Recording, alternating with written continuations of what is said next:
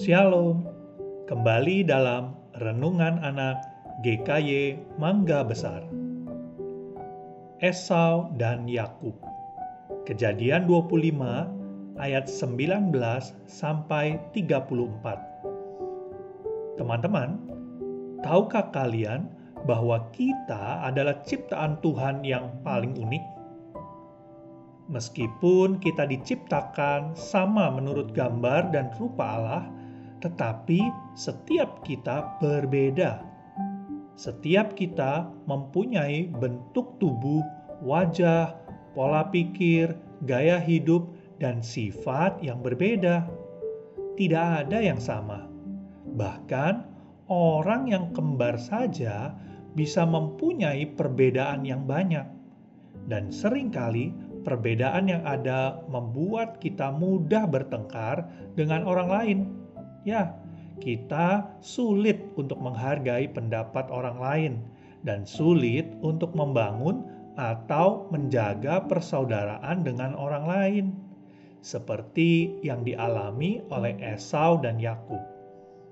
Bertahun-tahun Ishak dan Ribka menikah, tetapi mereka belum mempunyai anak. Dalam imannya mereka yakin bahwa anak yang akan dilahirkan nanti adalah hadiah dari Tuhan, anak yang dijanjikan oleh Tuhan.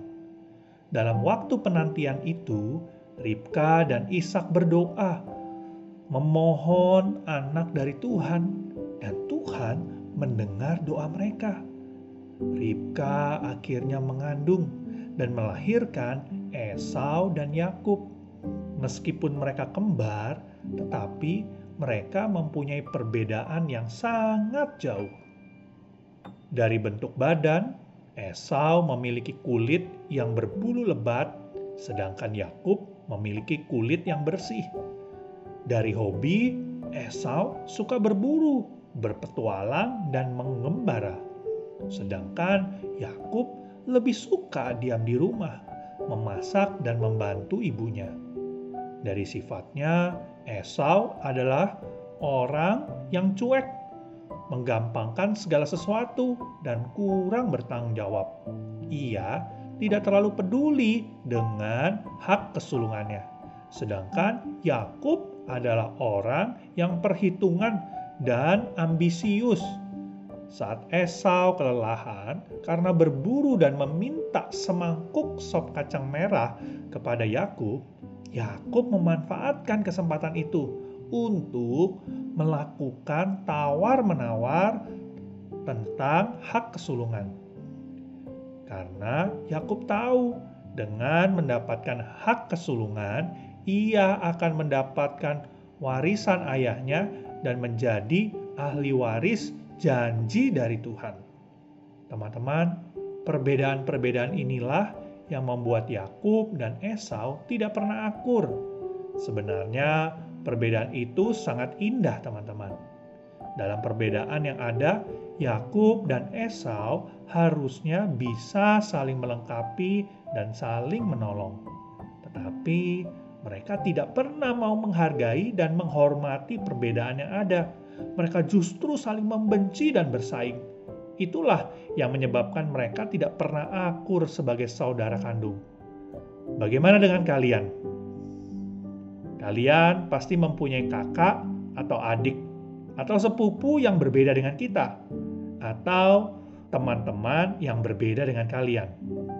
Tidak selamanya kita bisa cocok dengan mereka. Mungkin ada pendapat, sikap, kebiasaan, atau gaya hidup mereka yang berbeda yang kita tidak bisa terima. Apakah hal itu menjadi alasan bagi kita untuk membencinya atau tidak mau berteman dengan mereka? Teman-teman, sebagai manusia yang diciptakan unik oleh Tuhan, berbeda itu boleh, tetapi jangan pernah membenci atau memiliki niat jahat kepada saudara atau teman kita. Tuhan tidak suka jika kita membenci dan tidak menghargai seseorang karena mereka berbeda dengan kita. Karena Tuhan selalu mempunyai tujuan ketika Ia memberikan saudara, teman-teman kepada kita. Yang pasti bukan untuk menjadi musuh ya. Dalam perbedaan terdapat berkat Tuhan. Tuhan bisa memakai orang-orang yang berbeda dengan kita untuk membentuk kita menjadi orang yang lebih baik lagi dan bertumbuh semakin besar. Oleh karena itu, teman-teman, sebagai anak Tuhan, marilah kita belajar untuk saling menerima dan mengasihi yang lain, walaupun berbeda. Kiranya Roh Kudus menolong kita semua untuk bisa melakukan firman Tuhan. Amin. Tuhan Yesus memberkati kalian.